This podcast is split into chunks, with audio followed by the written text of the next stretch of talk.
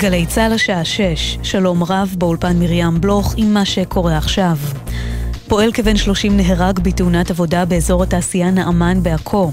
הגבר נלכד במכונה במפעל, וצוות מד"א קבע את מותו במקום.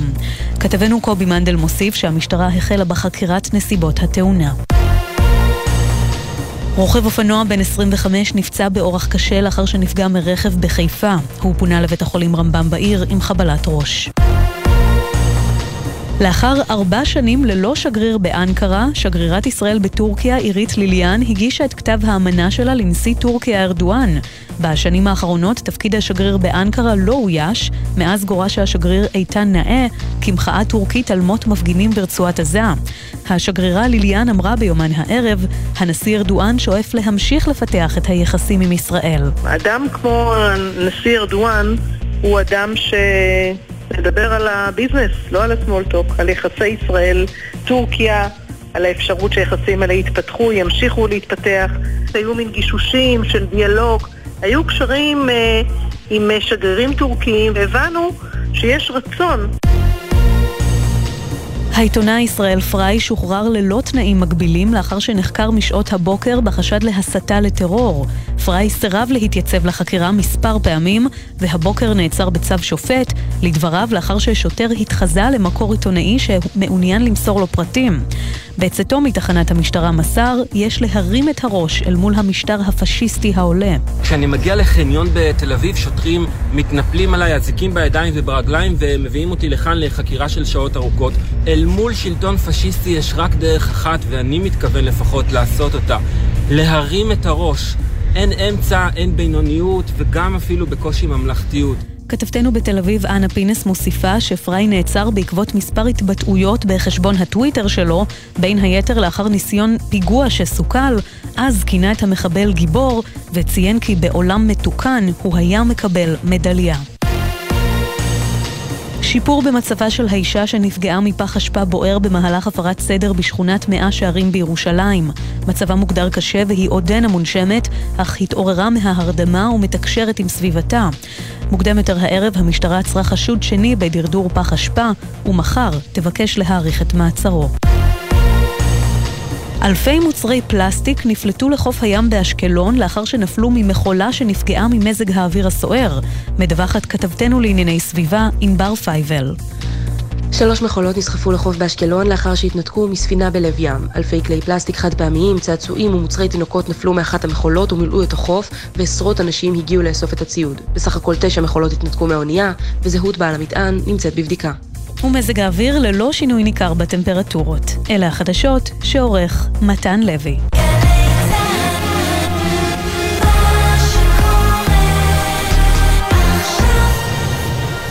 בחסות מלונות דן, המציגים סוף שבוע של הופעות. עידן עמדי, יסמין מועלם וטונה, במלונות דן פנורמה אילת ונפטון, 16 עד 18 בפברואר. בחסות מטבחי סמל, המזמינים אתכם לימי מכירות בהנחות על מטבחים ומוצרים משלימים. עד סוף דצמבר, מטבחי סמל, כשטכנולוגיה פוגשת אומנות. בחסות אוטודיפו, המציעה מצברים לרכב עד השעה תשע בערב בסניפי הרשת, כולל התקנה חינם. כי אין סיבה לשרוף את שישי במוסך. אוטודיפו עכשיו בגלי צה"ל, עמית תומר וסמי פרץ עם החיים עצמם.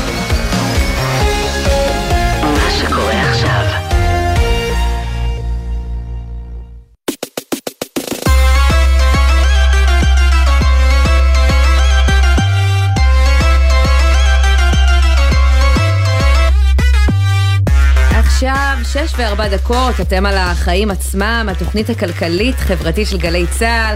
אני עמית תומר, ואיתי כאן באולפן נמצא סמי פרץ. ערב טוב, סמי. ערב טוב, עמית. מה קורה?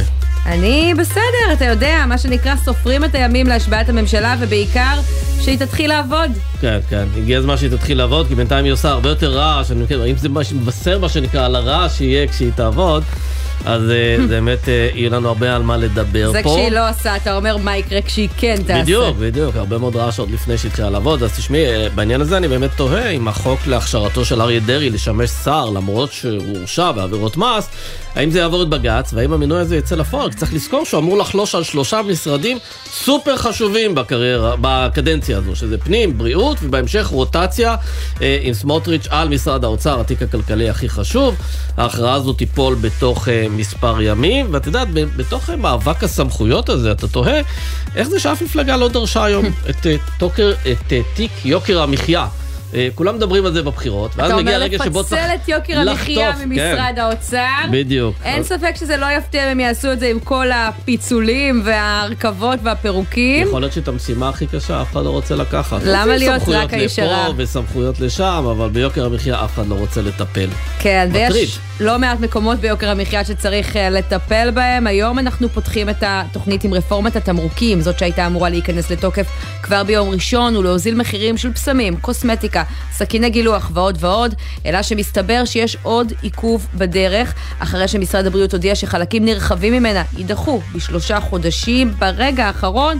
בין היתר בשל חשש לבריאות הציבור, מיד נרחיב על אגב, הסיפור זה הזה. מסוג המוצרים שאנשים קופצים ללונדון או לניו יורק או לפריז, ושם מצטיידים וממלאים את המזוודה בכל מיני דברים, כי שם זה באמת הרבה יותר זול בעשרות אחוזים. מאות לדעתי אפילו. מאות כלומר, אחוזים? פה יותר יקר במאות אחוזים, אי אפשר כן. להיות זול במאות אחוזים כמובן, זה נכון. אבל זה, הפערים הם באמת אדירים. כן, אז בענייני באמת יוקר מחיה, אנחנו גם נגיע להגרלת דירה בהנחה, האחרונה לשנה הזו והאחרונה של הממשלה היוצאת, היא תתחיל מחר, אז אם עדיין לא זכיתם ואתם רוצים לשמוע עוד פרטים, תישארו איתנו. אנחנו גם נגיע למס על הרכב החשמלי שיוכפל ב-1 בינואר, נהיה עם יבואן רכב חשמלי ונברר האם זה יבלום את המכירות. יוכפל סופית לדעתך? הרי שמענו את גפני אתמול מכריז אחרי השידור שלנו, לא יקום ולא יהיה, אני אמנע את זה ברגע האחרון, רק מה, לא מצא לזה זמן בדיונים שלו. כן, ולא לא הצלחתי להבין למה זה נדחה, אה, האם זה סתם עניין טכני, או שבאמת יש פה עדיין לחצים של הרגע האחרון של כל מיני אה, לוביסטים, אבל אה, בסדר, נדבר על עניין העניין של הזה. סדר עדיפויות, בטוח, ולקראת סיום, נעסוק גם במיזם חדש לשילוב האוכלוסייה הערבית בהייטק. אה, יש כבר הסכמה כמה הדבר הזה אה, חשוב לשוק העבודה, ובאמת הפער בין מספר הערבים שמשתתפים בכוח העבודה למספר אלו שמגיעים אה, לחברות ההייטק הוא אדיר. אז האם הפעם הצעד החשוב הזה יקרה ויצליח לצמצם את הפער הזה? נשאל את מי שמבינים בזה הכי טוב, אבל יש לנו עוד זמן עד לשם. סמי, נתחיל? קודם כל, מה הכותרת שלך? את שמעת על מבצע גרגר הזהב? גרגר הזהב, יש חומוסייה כזאת לדעתי. נכון, יש בפלורנטין באמת אה, אה, חומוסייה אחלה כזאת. חומוס. אז אני שמח לבשר לך שמבצע גרגר הזהב הסתיים היום בהצלחה. אה, ותברכי את רשות המיסים, כי השבוע יצאו חוקרים ושוטרים ליותר מאלף חומוסיות וחנויות פלאפל, לא כדי לנגב חומוס, אלא כדי למצוא מעלימי מס, ומצאו הרבה מאוד כאלה שלא ממש מצייתים לחוקי המס, לא מדווחים על הכנסות, לא פועלים לפי כל מיני חוק השימוש במזומן. הם הצליחו לגבות מהם לא פחות מ-120 מיליון שקלים, שזה בערך איזה משהו כמו 100 אלף שקל בממוצע לבית עסק. מכובד. המון כסף. אז אני אומר, מצד אחד זה יפה וראוי, אבל משהו בהתלהבות של רשות המיסים שדיווחה על כך נראה קצת מטריד, כי הרי הכסף הגדול נמצא לא בפלאפל ולא בחומוס, אלא בתכנוני מס, או שמא תכמוני מס של חברות גדולות, שרושמות אה, חברות בחו"ל, מפצלות עסקים, ועושות את כל התרגילים האפשריים כדי להתחמק ממס. בסופו של דבר זה גורם הרבה יותר נזק לקופת המדינה, ולרוב זה גם מסתיים בכופר ובלי הודעות לעיתונות ובלי חגיגות. כן. אז כשנדבר על מבצע, לא גרגר הזהב, אלא טונות של זהב ש... אה, שהחברות הגדולות מצליחות אה, להתחמק מלשלם, אז נברך את רשות המיסים על הצלחת המבצע. וכמובן ששם הסכומים גם יותר גדולים בהתאם, ולכן יותר תרומה לקופת המדינה שלנו, שזו המטרה בסוף, לא?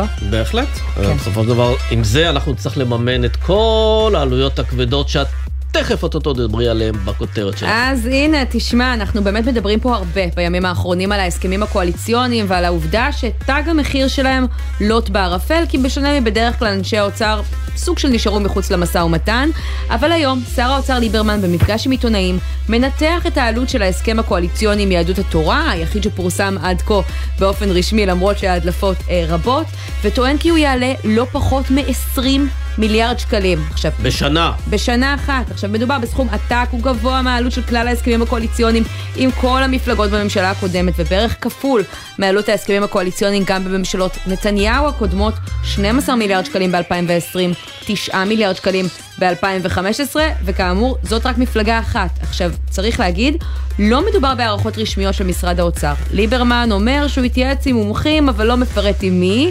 הוא מגיע מפוזיציה, כחבר טרי באופוזיציה, וגם באופן כללי נוטה לזרוק אה, לעיתים מספרים קצת גבוהים אה, מהמצב אה, בפועל, ובכל זאת, מאחר שההסכם הזה הוא חתום ונעול, גם אם ליברמן מגזים ומדובר בכמה מיליארדים פחות, זה מטריד.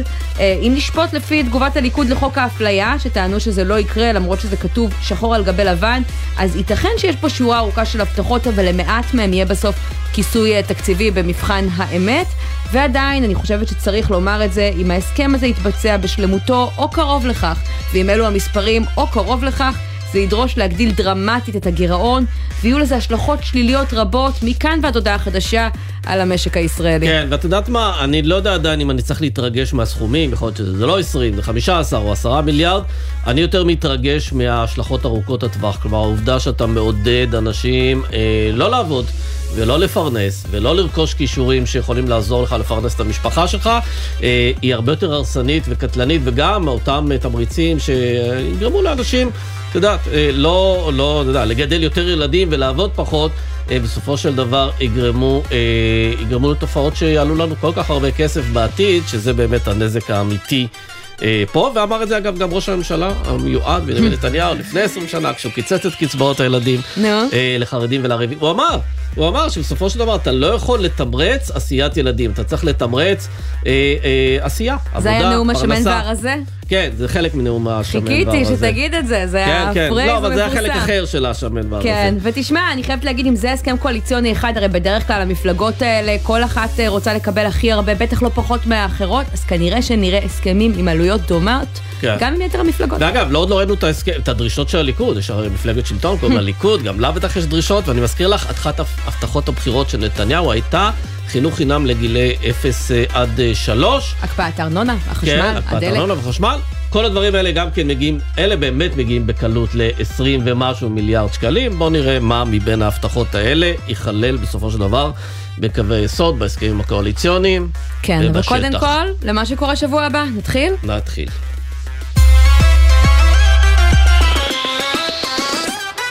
אז אנחנו פותחים עם יוקר המחיה והמהלך שהיה אמור דווקא להקל לנו על הכיס, רפורמת התמרוקים שהייתה אמורה להסיר חסמים רגולטוריים וככה להוזיל מחירים של קרמים, דודורנטים, סבונים ועוד ועוד ועוד, אלא שאתמול בלילה מבקשים בדקה ה-90 במשרד הבריאות לדחות חלק ניכר מתוכה בשלושה חודשים. את אימוץ הרגולציה האירופית שהייתה אמורה לאפשר לחברות להסתמך על האישורים מחו"ל במקום לבצע בדיקות מסורבלות ויקרות אצלנו, וככה בעוד החשמל, המים והארנונה יתייקרו בשבוע הבא. דווקא ההוזלה שהובטחה לציבור תמתין חודשים. זה אגב מחדל של שר הבריאות היוצא, ניצן הורוביץ, שלא קידם את הדבר הזה, אז לפני שמשמיצים את הממשלה הבאה שלא תעשה את זה, קודם כל ניתן את הציון אה, אה, לגנאי פה אה, לשר היוצא, שפשוט לא יודע למה, הוא תקע את זה. כן, גם את זה צריך לומר בהחלט, ונגיד שלום אה, לאלעד מלכה, מנכ"ל האינטרס שלנו בעניין הזה. שלום. ערב טוב. אז אלעד, בוא נעשה רגע סדר. רק נגיד שזה מנכ"ל לובי ציבורי, זה עמותה, או מה זה, זה ארגון? זו, זו עמותה, בסיס מימון המונים, אין לנו אף אה, תורם גדול מאחורינו, אלא כמה מאות תומכים בהוראות קבע חודשיות. ואתם גם מאמינים בתפיסה ימנית אה, כלכלית, אז בואו נעשה רגע איזשהו סדר, כי הרפורמה כן תיכנס לתוקף ביום ראשון, אבל חלקית, מה בפנים ומה יישאר בחוץ? אז, אז לומר שהיא תיכנס אה, אה, חלקית זה בערך כמו לומר ש... אה, להבדיל אלף אלפי הבדלות, זה כמו להגיד שהאדם נשאר חי אבל אין לו לב פועם בתוכו. למה הכוונה? אה, הרפורמה בסופו של דבר אה, הולכת לבטל ארבעה סעיפים חשובים, אבל עוד לפני כן בא משרד הבריאות ואומר אני דוחה את הכל בשלושה חודשים. עכשיו שימו לב לתרגיל, כדי לדחות הוא צריך לקבל אישור ועדת בריאות. אלא שוועדת הבריאות של הכנסת עדיין לא הוקמה. לא קיימת, כן. אז אז הוא לא יכול לדחות. מה עשו במשרד הבריאות? מצאו סעיף חירום בחוק, שאומר שאם יש אירוע חירומי של סכנה מיידית לציבור, יכול השר, בהחלטה שלו בלבד, להחליט שמוצר מסוים לא ניתן יהיה לייבא אותו. וניצן אה, הורוביץ חותם. אנחנו עוד לא יודעים, זה פורסם אתמול להערות הציבור, על פניו מחר הוא יצטרך לחתום, כמעט על כל המוצרים של הרפורמה, לא כולם, אבל כמעט כולם, בעצם יבואו ויאמרו, חבר'ה, זה מסוכן לציבור, עדיין אי אפשר. כל זה בגלל שמשרד הבריאות היה צריך לסנכרן שלוש תוכנות מחשב, אחת עם השנייה, כדי להצליח לפקח כמו שצריך על התהליך, והוא לא, בשנה שלמה, לא הספיקה לו בשביל זה. אז מה זה אומר בעצם? שאם אני עכשיו אה, יבואן ואני רוצה אה, להביא איזשהו אה, מוצר, בושם או קרם או סבון לישראל, החל מהשבוע הבא, איפה נהיה לי בכל זאת קצת יותר קל ואיפה אני עדיין נתקלת במחסום? אז לצערי כי רב לא יהיה לך יותר קל בשום מקום. זו השורה התחתונה של הדבר הזה. לא יהיה לך יותר קל בשום מקום, כיוון שהדרישות שמשרד הבריאות מערים נוסף לדחייה הזאת, הן דרישות ש... בעצם מאיינות את הרפורמה. אבל כלומר, כל הרעיון זה- היה שאפשר אה, לייבא לפה מוצרים ולהסתמך על רגולציה אירופית. כלומר, איפה שיש תקינה אירופית מסודרת, אפשר להביא את זה. למה צריך להעביר את זה פה דרך המערכת הישראלית? העניין הוא שמשרד הבריאות אה, אה, נמצא בטראומת אה, רמדיה.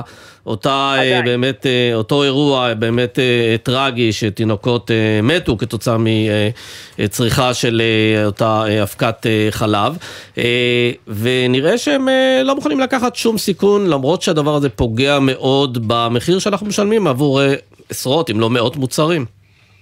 אנחנו מדברים על סדר גודל של מחירים יכולים להגיע עד פי שלוש בישראל לעומת אירופה, אנחנו מדברים על, על אה, הוזלה מצרפית למשק של 650 מיליון שקלים בשנה, זה, זה מגה אירוע, אבל הסיפור הוא שבא משרד הבריאות ואומר, במקום להסתמך על התקינה האירופית כמו שאמרת, הוא הכניס עיזים חדשות. יש מוצרים שבהם יש אחוז מסוים של אלכוהול או של חומר אחר, שמותר באירופה נניח 25 אחוזים. בא משרד הבריאות אומר, לא, בישראל רק 10 אחוזים. למה? גוף האדם אותו גוף אדם, הבריאות שלך ושלי היא אותה מערכת בריאות כמו של האירופאים, אם שם זה עובד טוב מאוד עם 25 אחוזים, למה פה להגביל את זה לא, אבל למה לא לעשות, אתה יודע, לחלק את המוצרים לאיפה שבאמת יש איזו בעיה מיוחדת, ואת שאר המוצרים שבהם אין בעיה, פשוט אין, אין, לא אלכוהול ולא שום דבר אחר, ולא חשש לפגיעה בבריאות הציבור, אה, לעשות, אתה יודע, חלוקה אה, של קטגוריות. ומה שאין בעיה, אז לאפשר. הבעיה שלי מבחינת משרד הבריאות, לפחות במה שנוגע לתמרוקים, כל דבר הוא סכנה לציבור. זו הבעיה החמורה בהקשרים הללו. יש שם עוד, עוד שלל תקנות, כלומר הם באים ואומרים, אני דורש ממך למסור לי את, ה, אה, את הנוסחה המלאה של, ה, של התמרוק, כלומר כמה, כמה, כמה בדיוק יש מכל רכיב ורכיב. זה סוד מסחרי שאף אחד לא יסכים למסור אותו. כן. הם דורשים לשנות את כל הסימון מחדש, אה, שזה אומר שיבואן מביא מכולה לנמל, צריך לפתוח אותה, להחליף את כל הסימון, לשלם מכיסו על כל הדבר הזה, למרות שזה הוראות סימון של תוויות שהן מספיק טובות בשביל כל האירופאים, ולנו עדיין הן אה, אה, הן אז בעייתיות. אלעד, אנחנו. חמישה ימים לכניסת הרפורמה הזאת לתוקף. לסיום, מה הסיכוי עוד אה, לשנות את זה, לדעתך? יש כזה? א', א', מצופה משר הבריאות לא לאשר את, את הדחייה הזאת. אה, אה, ככה לפחות אני הייתי דורש משר הבריאות הנוכחי, ולכל הפחות, אם אתה מתחלף בשבוע הבא, אנחנו מבינים שיום חמישי יש השבעת ממשלה. אבל אני מנסה להבין, בוא, כשאתה אומר תחתום על- ששר הבריאות אמור כבר לחתום מחר, והצו הזה פורסם אתמול בלילה, איזה מקום יש בכלל להערות הציבור? זה באמת מקום שולי לחלוטין, חייב לציין, ואני אומר, אה, אה, מצופה משר הבריאות ולומר לפחות, אתה יודעים מה? אני חותם לשבוע. ששר הבריאות הבא ייגע, ייגע, ייגע בסיפור הזה בצורה רצינית. ברור שלי אין את היכולת עכשיו לנהל את המשרד אל תוך השלושה חודשים הבאים לפקח עליו שיעשה כמו שצריך את העבודה שלו. כן. אז שיחתום לשבוע. זה כבר אה, יהיה טיפה יותר הגיוני מאשר הדבר הזה של אה, לדחות בחודשים עכשיו. אלעד מלכה, מנכ"ל האינטרס שלנו, תודה רבה על הדברים האלה, וכדי להבין איך זה ישפיע על השטח, אנחנו רוצים להגיד שלום לאוהד סנדלר, מנכ"ל גולד פארם, ערב טוב. היי, ערב טוב. אז תגיד, אתם נערכים כבר להביא מוצרים נוספים לישראל בשבוע הבא בעקבות הרפורמה הזאת, או שהשינוי הזה באמת מסנדל אתכם אה, לגמרי? אנחנו, אני אגיד את זה ככה, עם הרפורמה, בלי הרפורמה, אנחנו כבר 6-7 שנים מייבאים לישראל אה, מוצרים ביבוא מקביל. אה, הרפורמה לא בדיוק באה יותר מדי לעזור, אני חושב ש, שפה לא הבעיה, אנשים מכוונים את זה כל הזמן לרפורמה ומחכים שהיא תקרה ויוצאים ב, בהודעות תקשורתיות, זה לא מה שיעזור. אה, הרפורמה, אני אחלק את זה לשניים, יש כאלה שאומרים שזה יעזור ליבוא מקביל. Mm. אה, זה אנשים שלא מבינים מה זה יבוא מקביל, זה בעצם אה, שום דבר לא שקשור לרפורמה לא יכול לעזור ליבוא מקביל. יבוא מקביל זה בעצם עודפים של סחורות שנמצאים במדינות מסוימות. זאת אומרת, רשת, אנחנו למשל סתם, קבוצת רמי לוי, אני אה, גודפמי בבעלות רמי לוי. רמי לוי לא יכול להיות ניזון על יבוא מקביל. זאת אומרת, יבוא מקביל זה בכל מדינה מסוימת שיהיה עודף של סחורה מסוימת לקחת. זאת אומרת, זה משהו שהוא לא רציף. רגע, רגע, אבל בעצם... כשאתה מביא סחורה מאיזושהי מדינה, סחורה שיש לה אישור של האיחוד האירופי אבל לא נבדקה בישראל, של מוצרים רגישים, כלומר סכיני גילוח, חוק רמים או סבונים, כל מיני דברים שהרפורמה הזאת בעצם אמורה אה, לטפל בהם. אתה לא צריך לעבור פה בדיקות מקיפות? אני, אני, אני צריך לעבור, ופה לא הבעיה שלי בעצם. הבעיה, הבעיה שלי היא, היא יותר מזה, הבעיה שאין סחורות. בעצם, קודם כל, נגעו מקודם בביסום, שתדעי, בישראל מחירי הביסום הם הזולים ביותר בעולם. אה, אז, אז ככה שאם רפורמה בלי רפורמה, זה בכלל, אה, ביסום כבר לא דורש את רפורמת התמרוקים, אז פה לא הבעיה. אבל אני אקח איתך דוגמה... איפה הבעיה? באיזה מוצרים אתה ממש מרגיש שאנחנו דפקים כצרכנים? המוצרים למשל בקרם לחוט, משחות שיניים, איפור, דורדורנטים, שמפו, מרכך, סבון גוף, כל המוצרים האלה שיש אותם בעולם, בעצם הרגולציה היא, היא מאוד קשה. אה, ופה, ופה הבעיה היא, הבעיה היא בעצם, הבעיה, הבעיה, הבעיה היא לא, לא בעצם רפורמת התמרוקים, הבעיה, ש, הבעיה היא בעצם בישראל, ש, שיש פה ריכוזיות, ספקים mm. מחזיקים כ-30 מותגים וזה לא יעזור. למשל, אם אני רוצה עכשיו להביא משחת שיניים מטורקיה, כי אה, אותו מפעל בינלאומי ש, שקיים בטורקיה, מוכר לי משחת שיניים של המותגים שאנחנו קונים או מובילים פה בישראל, בזול, אומרים לי לא, לא, לא, אתה לא יכול לקנות מטורקיה.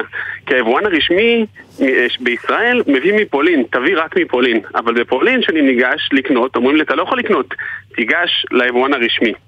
אז בעצם כל הדבר הזה של, ה, של הרישיון, של רפורמת התמרוקים לא באמת יכול לעזור לי. איך בעצם, אתם שואלים אותי, מה הבעיה בעצם, שבעצם לכל ההוזלת מחירים שמדברים עליה, הפתרון בעצם, שלא יאפשרו ליבואנים להחזיק יותר מכמות, מארבעה-חמישה מותגים, זה פתרון אחד, בעצם להגביל ריכוזיות. ודבר נוסף, ברגע שיאפשרו ליבואנים בישראל אה, להיות, להיות על כל מותג יבואן רשמי נוסף, אז בעצם יהיה פה תחרות. אבל במילים אחרות אתה אומר, גם ביום שהרפורמה הזאת תיכנס לתוקף לא נראה שום הוזלה, שום שינוי, אתה עד כדי כך חסר תקוות? שום הוזלה, אני לא צופה, אני לא צופה להוזלה. אין סחורות, בתחום של יבוא המקביל אין סחורות, זה לא מה שבעצם, מה שיעזור לי. בעצם אה, אני אוכל, בעצם רק ביום שאני אוכל להתקשר עם המפעלים הרשמיים בעולם ולייבא סחורה. השאלה אם לא תוכל להביא עוד מותגים אחרים, שהיום בעצם אתה צריך לעבור המון אה, דרישות. אז יש לי שאלה, כאחת שמסתובבת נגיד בעולם, יש מותג שאת רואה בעולם שלא קיים בישראל, רוב המותגים המובילים בעולם קיימים בישראל. זה נועד לעזור לכאלה שרוצים להתחיל להביא מוצר חדש ולחדור איתו לשוק, אז יהיה להם הקלה אה, על בסיס הצהרה, אה, הם יוכלו להשתמש בתקן אירופאי שקיים, אבל בשוטף אנחנו ההפך, מדינת ישראל היא מדינה של מותגים, הצרכן הישראלי הוא צרכן של מותגים. כל המותגים קיימים פה, הן פשוט נשלטות פה על כמה משפחות בישראל. ואין אה, מה שנקרא דילרים שבאמצעותם אפשר לקנות סטוקים במחירים יותר נמוכים? אז כן, אבל יש, מה זה סטוקים? אתה מבין? כמו שאתה אומר, זה, זה פעם באיזושהי הזדמנויות. אז אנחנו בעצם, רשת גוד פארם, מהיום שהיא, שהיא נוסדה, מ-2016, אנחנו קונים המון יבוא מקביל. אני יכול להגיד לך, עם כל היוקר המחיה עכשיו, תיכנסו אלינו לסניפים ויש דורדורנטים בחצי מחיר מהמתחרים. למה? כי יש לי ספקים שאני קונה מהם באופן קבוע, אבל היום הרשת שלי 53 סניפים, שאני אגיע להיות 200 סניפים, יהיה לי קשה לקנות כמויות לכל הרשת הזאת. כן, אני רוצה לשאול אותך לסיום, הזכרת... אם תשאלו עם הגדולים, שופרסל, רמי לוי, כל הגדולים, לא יכולים לקנות יבוא מקביל, כי זה לא יכול למלא את המדפים שלהם, ולא אז... יכול לתת להם את כל המגוון של הסחורות. אז בדיוק בגלל זה, הזכרת את יוקר המחיה, אני, האמת שיצא לי אה, להזדמן אה, לפני כמה ימים אה, לסניף שלכם, וראיתי שלט גדול בכניסה, עדיין תלוי, שבעצם אולי לא נמצא פה את כל המותגים, כי אתם נלחמים נכון. בגל עליות המחירים. רציתי לשאול מה, מה הסטטוס, איפה זה עומד, כי אנחנו רואים שרוב רשתות המזון התקפלו. אתם עדיין במאבק?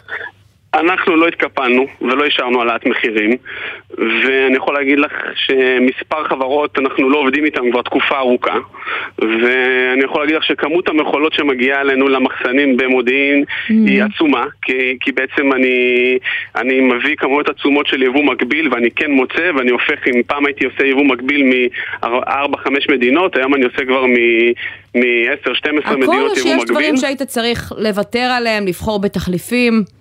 אז יש דברים שהייתי צריך לבחור בתחליפים. מה למשל? אה, חיתולים. אני לא אציין שם, אבל אה, אחת החברות המובילות, אני לא עובד איתם. פומפר, סאדיס, נציין בשבילך, כן. אה, אחד מהם, כן, אחד מהמובילים, אני לא עובד איתם, כי הם העלו... כן, אין כל כך הרבה, אני מסכים איתך. אה, אני לא עובד עם אחד מהם, ו... ולצערי, ואני נותן תחלופות, כי יש תחלופות, ובעצם זה המקום ש... של המותגים החלשים, שבעצם הם יכולים לחזק את עצמם, כי בסוף, את יודעת, יש איזה מותג אחד מוביל בכל קטגוריה שתופס כ-70% נתח שוק. כן. ושאתה לא שם אותו על המדף, אז, אז שבעה מתוך עשרה אנשים שבאים לרכוש אותו, לא מוצאים אותו. כן. אז אם הצרכן חכם וייתן הזדמנות, בסוף הכוח בידי הצרכן. כן, רק לסיום, תגיד לי... כשאתה משווה את המותגים שאתם מוכרים לאלה של הרשתות המתחרות, אה, אתם מצליחים תמיד לתת מחירים יותר אטרקטיביים, או שאתם תמיד. די משתווים אליהם?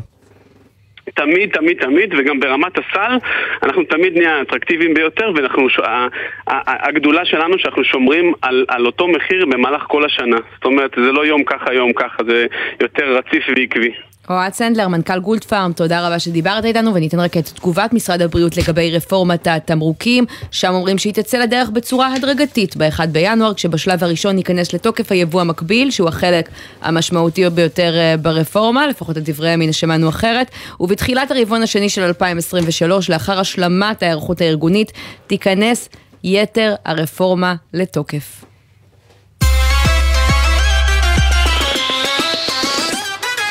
טוב, הסיפור הפוליטי-משפטי של הימים הקרובים הולך להיות הסיפור של אריה דרעי. בג"ץ קבע דיון מורחב נגד החוק של דרעי. אה, יכול אה, לערבב פה את הקלפים מחדש, ואנחנו עם אה, אביתר ברון, כתבנו לענייני משפט. תן לנו עדכון, איפה הדברים עומדים. כן, שלום סמי, שלום עמית. אז כן, נשיאת בית המשפט העליון, אסתר חיות, בעצם החליטה שבשבוע הבא 11 שופטי בית המשפט העליון ידונו בעתירה נגד המינוי שלו, וגם הדיון... הדיון, אפשר להגיד, אה, אה, אה, ישודר בשידור ישיר ככל הנראה. עם ההחלטה של השופטת, לקי... של, של חיות לקיים בעצם את הדיון אה, אה, ב, ב, עם 11 שופטים, היא החליטה לא להוציא צו ביניים, כלומר שאריה דרעי בינתיים יוכל להתמנות לשר, ככל הנראה ביום חמישי תושבע הממשלה, אריה דרעי יוכל להתמנות לשר, אחר כך יקיימו את הדיון האם הוא בכלל יכול אה, אה, לכהן אה, או לא, אם הוא יחליט אה, לכבד את החלטת בית המשפט אז הוא כנראה ייאלץ אה, אה, להתפטר עכשיו. אולי נדבר רגע למה בכלל כל הסיפור הזה התחיל. כן. כן, מאיפה בעצם, בואו נזכיר, אתה יודע, מדברים חוק דרעי, חוק דרעי, כתב כן. אישום נגדו, מה קרה שם? תזכיר למאזינים שלנו. בדיוק, אז אנחנו מדברים רגע על ההרשעות של אריה דרעי מפברואר 2022, אנחנו נשים רגע בצד את ההרשעות שלו משנות ה-90. שבגינם, אגב, הוא גם הורשע, והריצה עונש מאסר, נכון. ועברו שבע שנים, והסתיים האירוע הזה. הסתיים אבל פה ב-2022, ממש לפני עשרה חודשים בעצם הוא הורשע בעבירות מס. נכון, אז הסיפור הוא כזה, אריה אריה דרעי קנה בשנת 2010 מגרש בגבעת שאול בשווי של 10 אה, מיליון אה, דולר. אה, שלוש שנים אחרי שהוא קנה את, המגרש, הוא מוכר את המגרש הזה לאחיו שלמה. בדיווחים למס הכנסה אריה דרעי בעצם מצהיר שההכנסות מהעסקה הזאת עמדו על 4 מיליון ורבע שקלים, אלא שהמחיר האמיתי היה מיליון וחצי שקלים יותר, כמעט שישה מיליון שקלים. אז זו עבירה אחת. זו עבירה אחת שהוא הורשע בה. העבירה השנייה נוגעת לאיזו עסקה בארצות הברית שהוא אריה דרעי תיווך בה, ולכן הוא היה זכאי אה, אה, לשכר טרחה. אחרי, הוא נבחר בזמן הזה אה, לכנסת, ובעצם הוא אמר, אני מבקש שכל מה שנוגע לשכר טרחה יעבור דרך אחי, ו... בעצם אחיו שלמה בעצם כן, כן, סליחה. הוא בעצם לא דיווח על הכנסות של שני מיליון שקלים אה, במצטבר. במצטבר שני מיליון כן, שקלים. כן, והשופט החליט לגזור עליו עונש די מקל, כי הוא הגדר כמה שנקרא פסיבי. גם פסיבי, ועוד סיבה שבעצם השופט החליט לקבל את הסדר הטיעון בעצם. הגיעו להסדר מול המדינה, הסדר די מקל, בגלל שאריה דרעי הצהיר שהוא פורש מהחיים הפוליטיים. שזה היה רק כן. נזכיר מתי? אה, פברואר 2000 כן. ו... ואז הוא אומר שמי שחושש, מי שחושש שהוא יפגע שוב בקופה הציבורית, יכול להיות רגוע, הוא פורש מהחיים הפוליטיים. אכן, אלה מילים שבאמת נכתבו בגזר דין של בית משפט, אה, בית משפט השלום בירושלים, וממש על זה העתירה. אה, בית המשפט העליון יצטרך לדון בגזר הדין, בהסדר הטיעון הזה שהושג עם אריה דרעי, ובעצם בית המשפט יגיד, האם אריה דרעי, שהצהיר שהוא הולך לפרוש מהחיים הפוליטיים, ובסוף הוא החליט לא לפרוש ולהתמנות בכל זאת כן לשר, האם הוא בעצם רימה את בית משפט השלום, והאם בעצם צריך לבטל את הסדר כן. הטיעון לא, הזה? לא רק אם הוא רימה, האם בהינתן שזו היה הסיכום, האם זה סביר עכשיו שהוא ימונה לשר אחרי שזה היה הסיכום, וחלק מהענישה בעצם הייתה ההתרחקות אחד- שלו מהזירה הציבורית. בהחלט. אוקיי, אז ביום חמישי זה הולך להיות, יום חמישי הבא. ואתה אומר זה ישודר בשידור ישיר? ככל הנראה אנחנו הגשנו, אה, כל כלי התקשורת ואנחנו בתוכם הגשנו בקשה שה, שהדיון הזה ישודר בשידור ישיר, כי זה באמת דיון מהותי ומעניין, שכל אחד שבאמת מתעניין יוכל אה, באמת לצפות ב, ב, בטלפון, במחשב, איפה שהוא רק רוצה. הגשנו בקשה, אני נוטה להאמין ש, שהיא תתקבל, אה, כן. הנשיאה חיות תצטרך להחליט. בהחלט, יפה. אז אביתר אנחנו. נעקוב. אנחנו. ודאי נעקוב. תודה לא רבה. רק תודה אנחנו. נראה לי שכולם יעקבו. כן.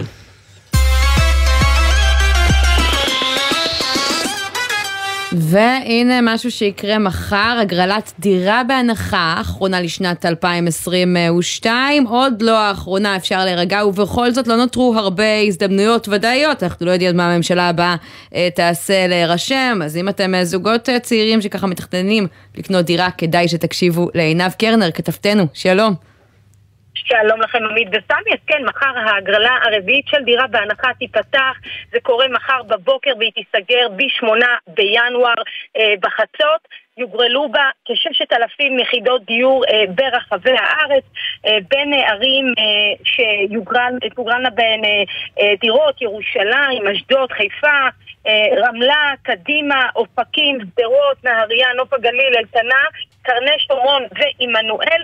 צריך uh, לזכור שמדובר uh, על מספר מועט uh, של דירות וכנראה אנחנו גם נראה ביקוש מאוד מאוד גבוה כמו שראינו בשלוש ההגרלות uh, הקודמות אבל אין ספק שמי שכן יזכה זה יכול לתת לו קצת אוויר לנשימה למרות שככה אני מסייגת את דבריי נוכח העלייה של המשכנתה עכשיו והריבית הגבוהה כן, ברור. יכול להיות שגם פה uh, הזוגות הצעירים uh, עינב, בכמה הנחה, אה, מה הסדר גודל של ההנחה? היא נעה בין כמה סדר לכמה? גודל של 20 אחוז מערך הדירה, או עד 300 אלף אה, שקלים, אה, וזה פחות או יותר אה, ההנחות אה, שניתנות, ופשוט צריך ככה באמת לראות שזה גם בסופו של יום ישתלם. אני רק רוצה להזכיר לכם שיש המון אה, זוגות צעירים שקנו דירות במסגרת גם מחיר למשתכן, אגב, בממשלות הקודמות, וגם אה, דירה בהנחה שזה די טרי, ועדיין לא קיבלו את הדירה שלהם, הם רק משלמים ומשלמים, כן. אז לכן גם את הדברים האלה צריכים אה, לקחת בחשבון. ועינב, השר אלקין ומשרד השיכון הבטיחו להגיע עד סוף השנה, אני זוכרת, ליעד של 30 אלף יחידות דיור, את אומרת 40, אז בכלל, את אומרת זאת הגרלה קטנה יחסית, צנועה, הגענו ליעד? לא, הם יגיעו סך הכל אה, בערך 27 אלף אה, דירות עם, עם, עם הדירות שתצאנה מחר אה, לדרך. אגב, אני חושבת שאני גם שמעתי מספר יותר גבוה של 45 אלף דירות, יכול להיות שאני טועה, אבל, אבל בוודאי שהם לא יגיעו ל-30 אלף יחידות דיור. וכן צריך לומר שמי שרוצה להנפיק אישור זכאות, הוא יכול לעשות את זה רק עד יום ראשון הקרוב, ונזכיר שאין משמעות למתי אנחנו נרשמים להגרלה, גם אם נרשמנו ביום האחרון להגרלה בדקה האחרונה, זה לא מתעדף כן. אותנו או לא מתעדף אותנו. והמספר האחרון שאנחנו צריכים לתת למאזינים שלנו, אה, כשאתה כבר זוכה, כמה זמן לוקח מהרגע שאתה זוכה ועד הרגע שאתה תגור בדירה הזאת? אני רמזתי את זה קודם, סמי. כן, אני יודע, חמש, שש. שבע שנים, כמה? וזה כן יכול לקחת אה, גם אה, חמש שנים בקלות, זה במקרה הטוב.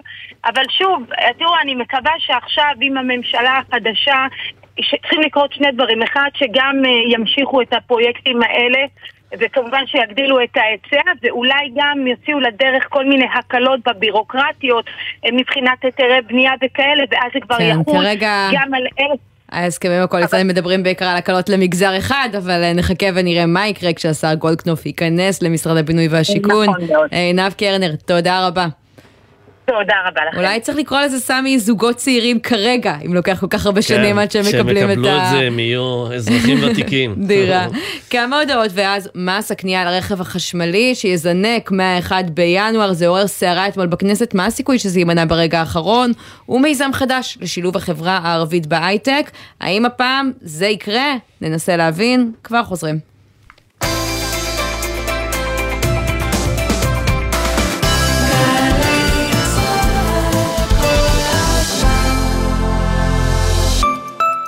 להיות דיפלומטית בשירות החוץ זה מקצוע שהוא הכל חוץ משגרתי, עם השפעה ומשמעות. מסקרן? אם את ואתה מחפשים קריירה מרתקת, הגישו מועמדות למסלולי ההתמחות בדיפלומטיה במשרד החוץ. כך תוכלו להשפיע על החוסן הלאומי של מדינת ישראל ויחסי החוץ שלה. חפשו ברשת התמחות דיפלומטית במשרד החוץ, קורסי צוערים. שלום, כאן איתי הרמן. מי כמוני יודע שידע הוא כוח, אבל ידע הוא גם כוח, בקוף ובחטא. קורות חיים. כי להציג בקורות החיים ידע בתכנות למשל, במדעי הנתונים או באבטחת מידע, יכול להשיג למענכם את משרת החלומות שלכם בהייטק.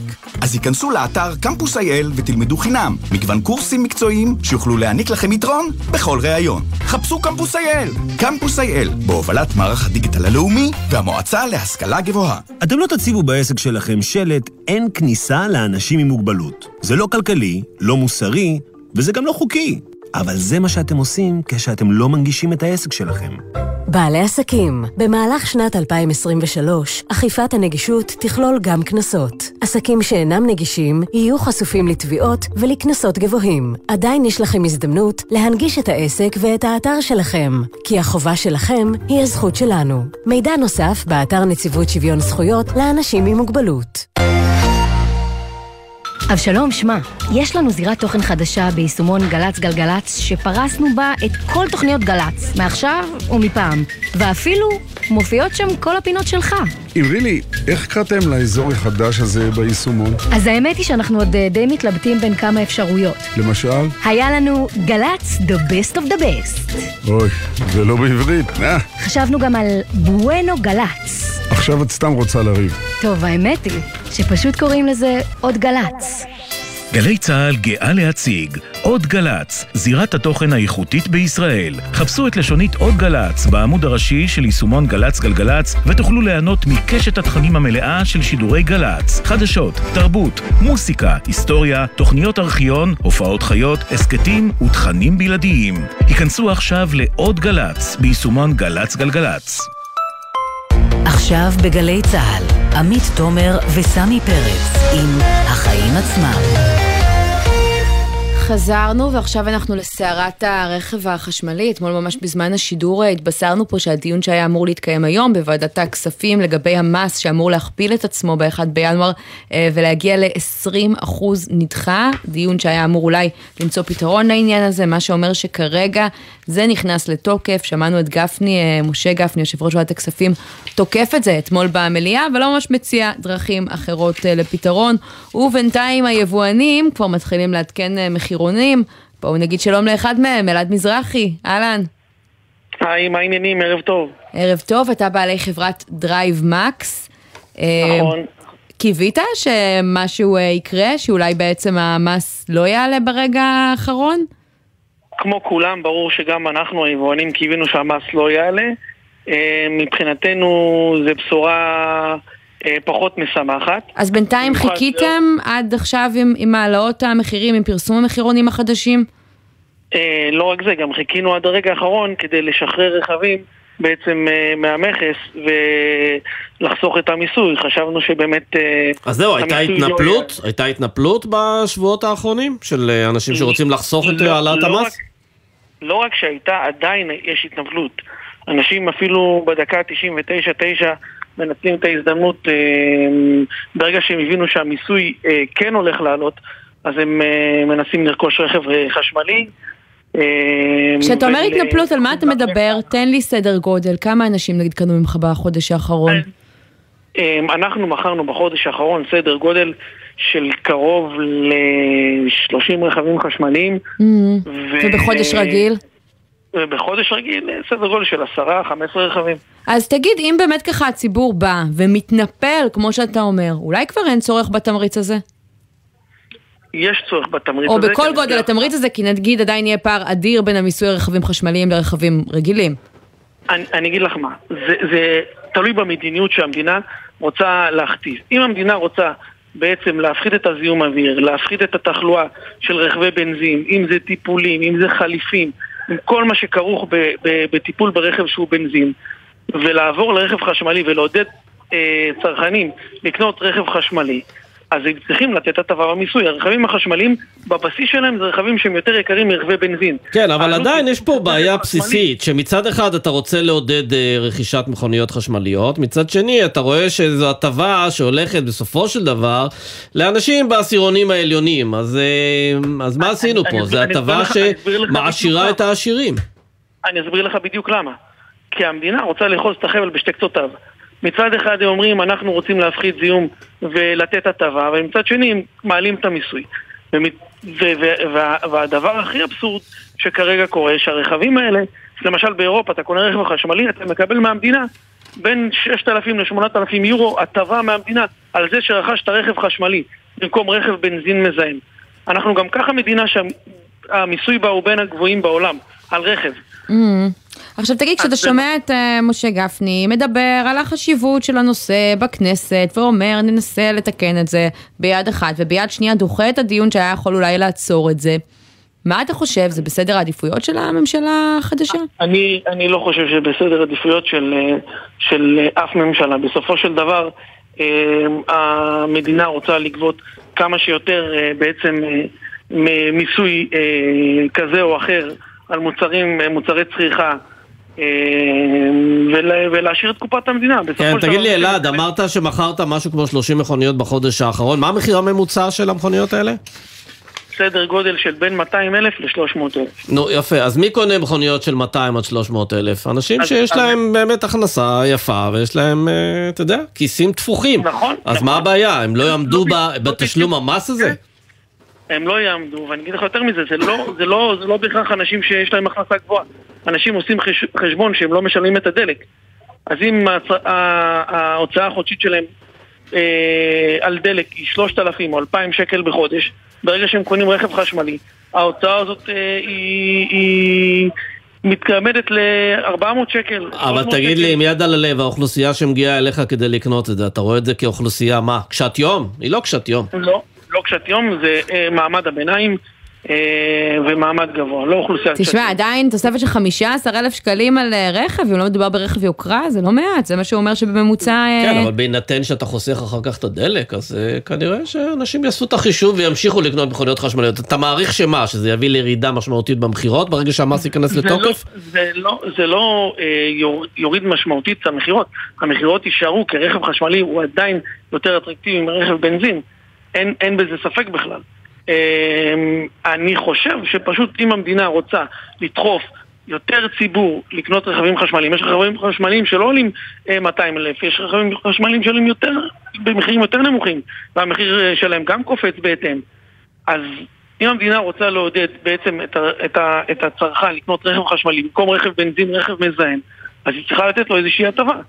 כן. יש אגב איזה דרך לבוא ולתת את ההטבה הזו רק ל...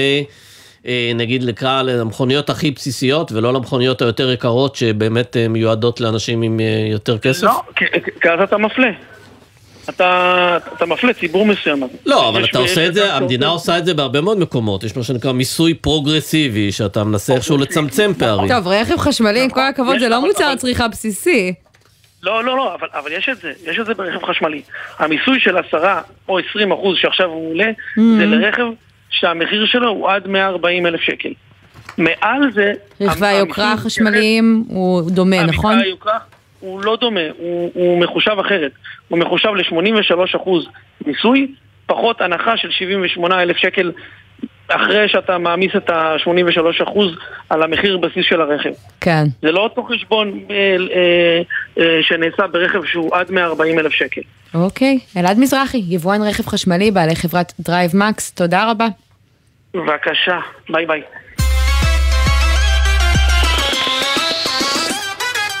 אנחנו מדברים הרבה על אה, שוק העבודה פה, מדברים הרבה על ההייטק, ואנחנו מדברים גם על נושא של השתתפות של חרדים ושל ערבים, והנה יש פה איזה עניין של אה, אחת הבעיות, ב, או שילוב של האוכלוסייה הערבית בהייטק, זה כן. שגם כשהם אה, רוכשים השכלה וידע רלוונטי, הם לא עוברים דרך הצבא, דרך המערכות האלה שמסלילות אותך לעולם ההייטק שמשלם הרבה מאוד כסף.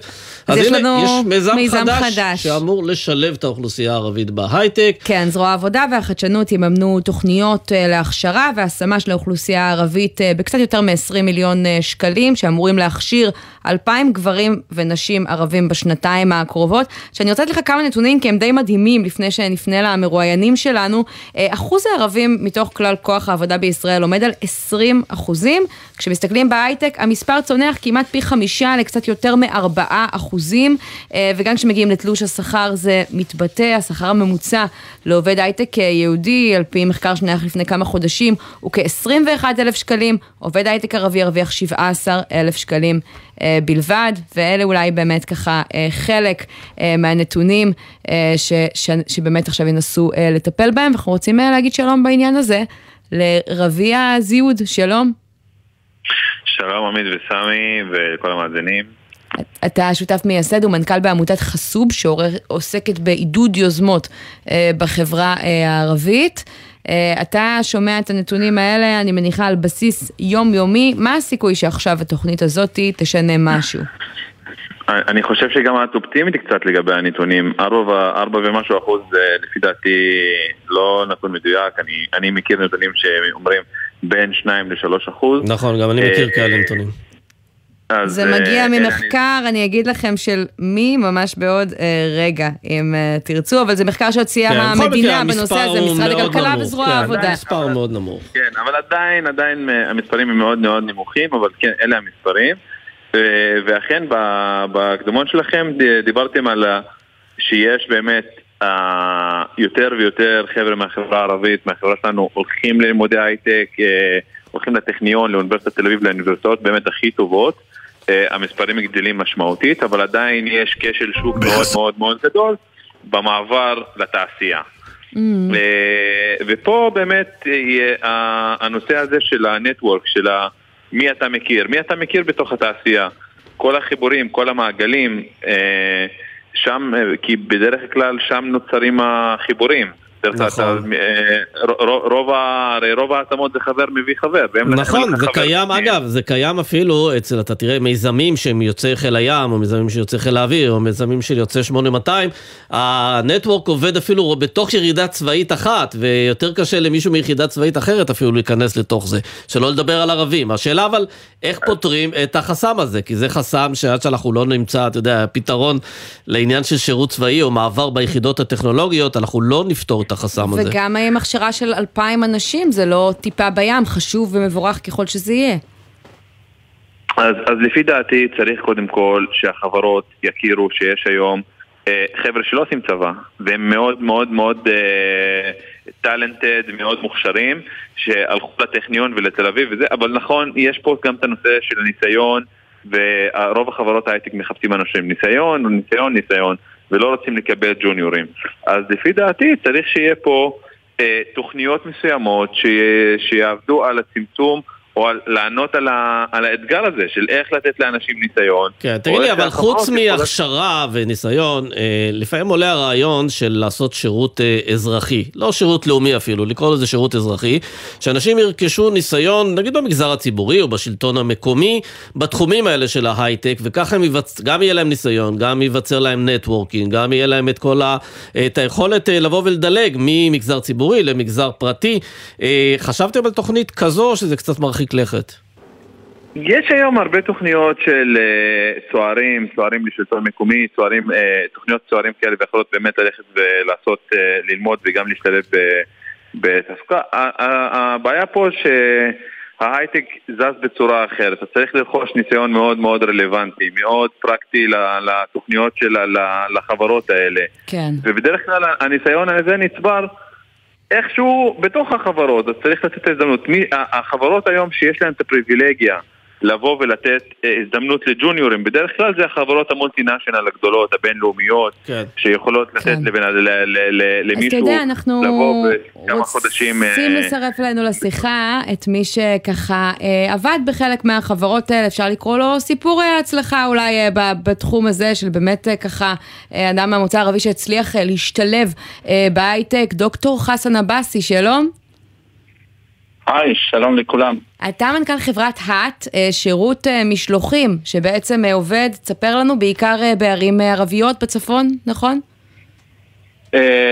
נכון, הייתי מנסח את זה בצורה יותר כללית, אנחנו מכוונים פריפריות, אז במקרה של הארץ אז זה באמת המגזר הערבי ועוד מקומות אחרים, אבל אנחנו לא מכוונים במיוחד למגזר, יותר לפריפריות והייתי אומר secondary כן. cities. וחוץ מזה, לפני כן אתה עבדת באינטל, בגוגל, אה, באמת בחברות העולמיות הגדולות אה, ביותר, ואנחנו אה, רוצים באמת ככה לשאול אותך איך זה קרה ואיך הייתה הדרך לשם. קודם כל, איך הגעת להתעסק בתחום הזה? אז האמת, הגעתי להתעסק עם התחום דרך האהבה שלי למתמטיקה, אז חיפשתי בכיתה י"א, י"ב, נושא שהוא מתחבר למתמטיקה וגם פרקטי, על ככה חשיבה כמותית וכולי וכולי. אז אה, ככה הגעתי לתחום הזה. והחלטת ללמוד אה, מדעי המחשב, אתה מספר את זה למשפחה שלך, איך התגובות? אז uh, כמובן שהתגובות היו לא גדול. מה, אתה, אתה ילד מחונן, ילד טוב, אז אני מדבר 20 שנה אחורה, כן? אז לאן אתה קופץ למדעי מחשב, לך תלמד רפואה וכולי וכולי. הרבה דברים השתנו מאז כמובן, ודברים מאוד השתדרגו, אבל עדיין אה, אני חושב שתלמידים בכיתה י"א-י"ב מתקשים אה, להסביר ולהגיע למקומות שהם רוצים להגיע אליהם בגלל אה, זה, זה מעבר, זה, זה תהליך שהחברה עוברת ולהבין מה זה הייטק וכולי. היום עם כל הטכנולוגיה וכל הדברים שביד, יותר קל באמת להבין מה זה הייטק ולהבין את ההשפעות שלו אה, ולאן זה יכול אה, להוביל ולקחת. אבל כמובן היה התנגדות מאוד גדולה. אף אחד לא רצה שאני אלמד את זה, במיוחד ההורים, כי חשבו שזה לא העתיד וזה לא, לא מה שיגרום להצלחות. אגב, מבחינת אה, networking, והם מה שדיברנו אבל- קודם עם רביע, עד כמה הרגשת שהעניין של networking הוא מאוד מאוד חשוב כדי להתקדם בתחום הזה? אז קודם כל, אה, שלום רביע, רביע חבר מאוד מאוד טוב שלי. אה. אה, שלום, שלום. אנחנו צריכים עוד, אנחנו צריכים עוד כמה כמו חסן ואנחנו נהיה מסודרים. כן, זה זהו, בסופו של דבר, בסופו של דבר, הרי צריך להיווצר, אתה יודע, איזה רשת פנימית כזו, שחבר מביא חבר, אבל אתם מרגישים שיש מקומות שיש בהם כבר, אה, כאילו, גרעין כזה כלשהו של עובדי הייטק ערבים שעוזרים לאחרים להתקבל? כן, אני חושב שנטוורקינג זה, זה אם אני לא, לא מסכים עם אה, רביע במאה אחוז, אני אולי הר- הרבה הרבה הרבה יותר. אני חושב ש networking זה שם המשחק, גם אה, עכשיו שאני מוביל מיזם אה, אה, שמגייס כספים, אה, מגייס אנשים וכולי וכולי, הכל, המפתח שם זה ה networking ולהיכנס, להגיע לאנשים טובים אה, גם בתור מעסיק וגם בתור מועסק זה הדרך הכי נכונה והכי יעילה זה דרך ה networking. אז אתה מרגיש שעמדו לא בפניך מכשולים, או שהדרך שלך הייתה כי אתה אומר אני לא מסכים? מה מה? אמרת אני לא מסכים עם רבי, אז אני מנסה להבין, אתה מרגיש לא, שעמדו הוא לך? אמר שהוא לא מסכים איתו לא, ב-100%, אמרתי, אלא לא ביותר מסכים. מ-100%. אה, אה, כן, כן, כן, היום, היום אם אני רוצה לג- לגייס ל- למשל אה, אה, CFO או משהו בתפקיד מאוד מאוד בכיר.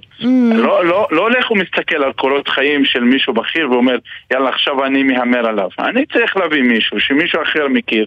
לצורך הדוגמה אני אקח ה-Head of R&D שהיום נמצא בחברת האט. אה, אתם יכולים לנחש איך הגעתי אליו דרך חבר, מי, מי זה החבר הזה? זה רביע. במקרה שלנו. אז אתה מרגיש ככה שהגעת אבל לגוגל, לאינטל, שהיה לך איזשהו אה, מכשול בנושא הזה של ה networking, או שדווקא קיבלו אותך אה, בזרועות פתוחות? אה, אז אה, הגעתי, גם לגוגל הגעתי דרך networking, מ- מ- מ- כאילו דרך, דרך שהכרתי את המגייסת, היא פנתה אליי, אה, כאילו הייתי במעגל מאוד מאוד גדול, משום שעשיתי דוקטורט, אז פגשתי כן. מלא אנשים על הדרך. כלומר, שניכם מסכימים, networking זה שם המשחק, כן. ואולי עכשיו תוכנית ההכשרה הזאת, בתקווה שיהיו עוד רבות כמוה, אה, יצליחו קצת אה, להכניס למשחק הזה באמת גם את ככה אנשים שרוצים להשתלב בהייטק מהמגזר הערבי, ויהיו יותר כאלה. רבי הזיוד, דוקטור חסן עבאסי, תודה רבה לשניכם. תודה רבה. תודה רבה. תודה. אורח באולפנינו. כן, תראה מי זה. אדם שאנחנו רגילים לראות מבעד לזכוכית, נספר למאזינים שלנו שלא רואים. בן נצר, עורך החיים עצמם, שלום. שלום, שלום. ואתה מביא לנו קצת חדשות טובות לסיום מהולנד, איך בעצם בסופרמרקט, במקום לייעל תהליכים, דווקא האטו אותם? בשביל מה? כן, אז אה, שלום עמית, אה, שלום סמי, כיף להיות גם אה, מהצד הזה של הזכוכית, והיום אנחנו למהלך מיוחד שמובילה רשת הסופרים ההולנדית ג'מבו. היא בעצם פתחה קופות איטיות, כלומר קופות לא מהירות, איטיות, ההפך ממה שאנחנו רגילים, בכ-200 סניפים שלה ברחבי הולנד. מה, הם רוצים להגדיל לעצמם את ההוצאות? זהו, אז האמת שלא. או לעצבן את הלקוחות? אז יותר טוב מזה, לזה יש אפילו אימפקט חברתי. למה זה מעניין, אתם uh, בטח תוהים. המטרה של המהלך הזה היא להתמודד עם מגפת הבדידות בקרב אנשים בגיל השלישי, ולא רק. הם קוראים לזה קופות שיחה, והרעיון הוא פשוט, אבל בעיניי לפחות די גאוני. במקום להמר, למהר, סליחה, ולהעביר את המוצרים, פותחים בשיחה קצרה עם הקופאי או הקופאית. זאת בעצם אה, איזושהי יוזמה שהתחילה בהולנד בימי הקורונה, היא זכתה להצלחה ואיזשהם שרידים מסוימים ממנה בכל זאת נשארו, ועכשיו, ממש אה, בסוף השבוע, היא מקבלת איזשהו חיזוק משמעותי מאוד, וזה בעצם במטרה להפיג את הבדידות בקרב מי שזקוק לכך. בהקשר הזה באמת אה, חשוב לזכור, עמית, חשוב לזכור, סמי, שמלבד חוסר הנעימות שבבדידות, יש הסכמה בעולמות בריאות הנפש שהיא עלולה להתפתח גם לנזקים נפשיים הרבה יותר גרועים. אצלנו אני חושב שהקופות איטיות, בגלל שיש תורים ארוכים, ואנשים במקום לפתח קשרים חברתיים, הם הורסים קשרים חברתיים, כי הם רבים בתור. אז מדובר באנשים, לפחות במודל ההולנדי הזה, לאנשים שיש להם הרבה מאוד זמן פנוי. אה, כן, בהחלט, אה, מדובר באנשים שבסוף אה, מגדירים את עצמם בודדים. בסוף צריך לזכור שבדידות זה איזושהי הרגשה שהיא סובייקטיבית. וצריך גם לומר, סמי, שלא רק הלקוחות, אלה שמגדירים את עצמם בודדים, לא רק הם מרוויחים מהדבר הזה.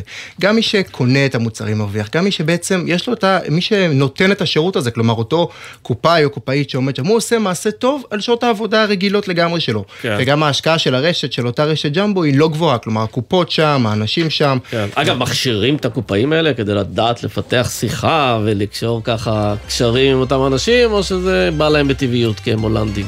אז זהו, אפשר לומר שההולנדים אה, לא פחות אה, נחמדים מהישראלים, אם לא קצת אה, יותר, אבל לא ראיתי שיש איזושהי הכשרה מיוחדת, אבל כן צריך לומר שזה חלק מהעניין השיחה הזאת להפיג את הבדידות. תספר לנו לסיום מה קורה אצלנו, כי ככה גם אצלנו בעיית הבדידות היא גדולה, ולא שמענו על יוזמות כאלה עדיין לטפל בה. זהו, אז באמת גם בארץ יש תופעה של בדידות, סתם לפי מרכז המחקר והמידע של הכנסת בשנת 2016, 42 אחוזים מבני ה-75 ומעלה אמרו שחשו בודדים שוב בהמשך לזה שבדידות זו תחושה שהיא סובייקטיבית, שזה לא רחוק אה, מחצי אה, מהאנשים. וצריך אה, להוסיף גם, רק ככה לסיום על רשת ג'מבו, מדובר ברשת של 705 סניפים, לשופרסל שלנו 301, כלומר אמורה להיות לזה השפעה בשטח. אז יאללה, הנה, תרימו את הכפפה. בן עצר, תודה רבה. תודה לך. גם לזה שערכת את השידור הזה. נגיד תודה גם ללירון מטלון שהפיק, על הביצוע הטכני היה תומר רוזנצוויג, ועורך הדיגיטל הוא יוסי ריס. אני עמית תומר, סמי פרץ, תודה רבה. תודה גם לך. נתראה מחר, ביי ביי. ביי.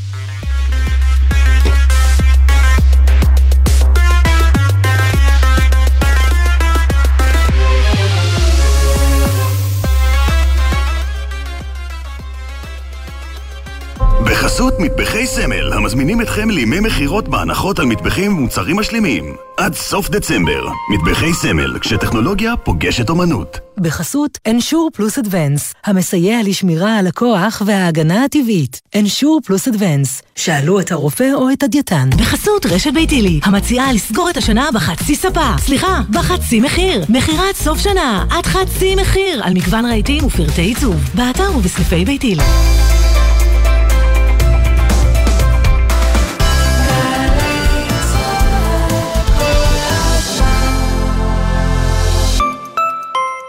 למקומות. אתם מרגישים שהקריירה עומדת במקום? היכון. הנה ההזדמנות להגיע רחוק יותר. מצטרפים לתעשייה הישראלית, הקולטת אלפי עובדים ועובדות במגוון תחומים, ונהנים מתנאים מעולים, תפקידים מעניינים, קידום, שכר גבוה, והכי חשוב, ביקוש תמידי שיכול להבטיח עתיד יציב ובטוח. תעשייה ישראלית, קריירה מרתקת, מתחילה כאן. לפרטים חפשו ברשת תעשיינים בישראל, משרד הכלכלה והתעשייה והתאחדות התעשיינים בישראל. בפעם הראשונה שראיתי את נכדותיי, עמדתי מעבר לרחוב. לא העזתי להתקרב. כך נפתח ספרה של הילה בלום, זוכת פרס ספיר של מפעל הפיס לספרות, 2021. ומי יהיה הספר הזוכה השנה בפרס ספיר של מפעל הפיס? אם אתם אוהבים סיפורים, בטוח תאהבו גם ספרים. הצטרפו אלינו לטקס ההכרזה על הזוכה ב-2 בינואר ב-11 ורבע בלילה בקשת 12. ולתפארת מדינת ישראל. ביום העצמאות יש לנו הזדמנות להתרגש ולהצדיע לאנשים ולנשים שהם הפנים היפות של מדינת ישראל. עכשיו זו ההזדמנות שלכם להמליץ ולהשפיע על בחירת מסיעי המשואות ביום העצמאות ה-75 בסימן חלוציות. אתם מכירים חלוצות או חלוצים בעבר ובהווה? הראשונים שהפכו ועדיין הופכים רעיונות למעשים וחלומות למציאות? היכנסו עוד היום לאתר מרכז ההסברה במשרד התרבות והספורט והמליצו על מסיעי המשואות הבאים, נשים וגברים. עוד פרטים בטלפון 050-6222-945. תודה ממרכז ההסברה, המטה לטקסים ולאירועים ממלכתיים, משרד התרבות והספורט. חדשות טובות לחברות התובלה ולנהגי המשאיות. מיזם לילה טוב מתרחב. מהיום משנעים מטען כללי מהנמל, משלוש בלילה עד שש לפנות בוקר, ומקבלים עד 300 שקלים מענק על כל הובלה. לפרטים חפשו מיזם לילה טוב בגוגל. מגישה חברת נמלי ישראל, עוגן חשוב לכלכלת ישראל. המענק כפוף לכתב התחייבות. זו אותה נסיעה לעבודה או הביתה בדרך המוכרת, אבל בחורף זה לא אותו הכביש. בחורף, כשהרעות לקויה, קשה לנהגים יותר מהרגיל להבחין ברכב שעצר בשול הדרך. לכן, לא עוצרים בשולי הדרך, אלא במקרה תקלה שאינה מאפשרת המשך נסיעה. הרלב"ד, מחויבים לאנשים שבדרך. מיד אחרי החדשות, עידן קבלר.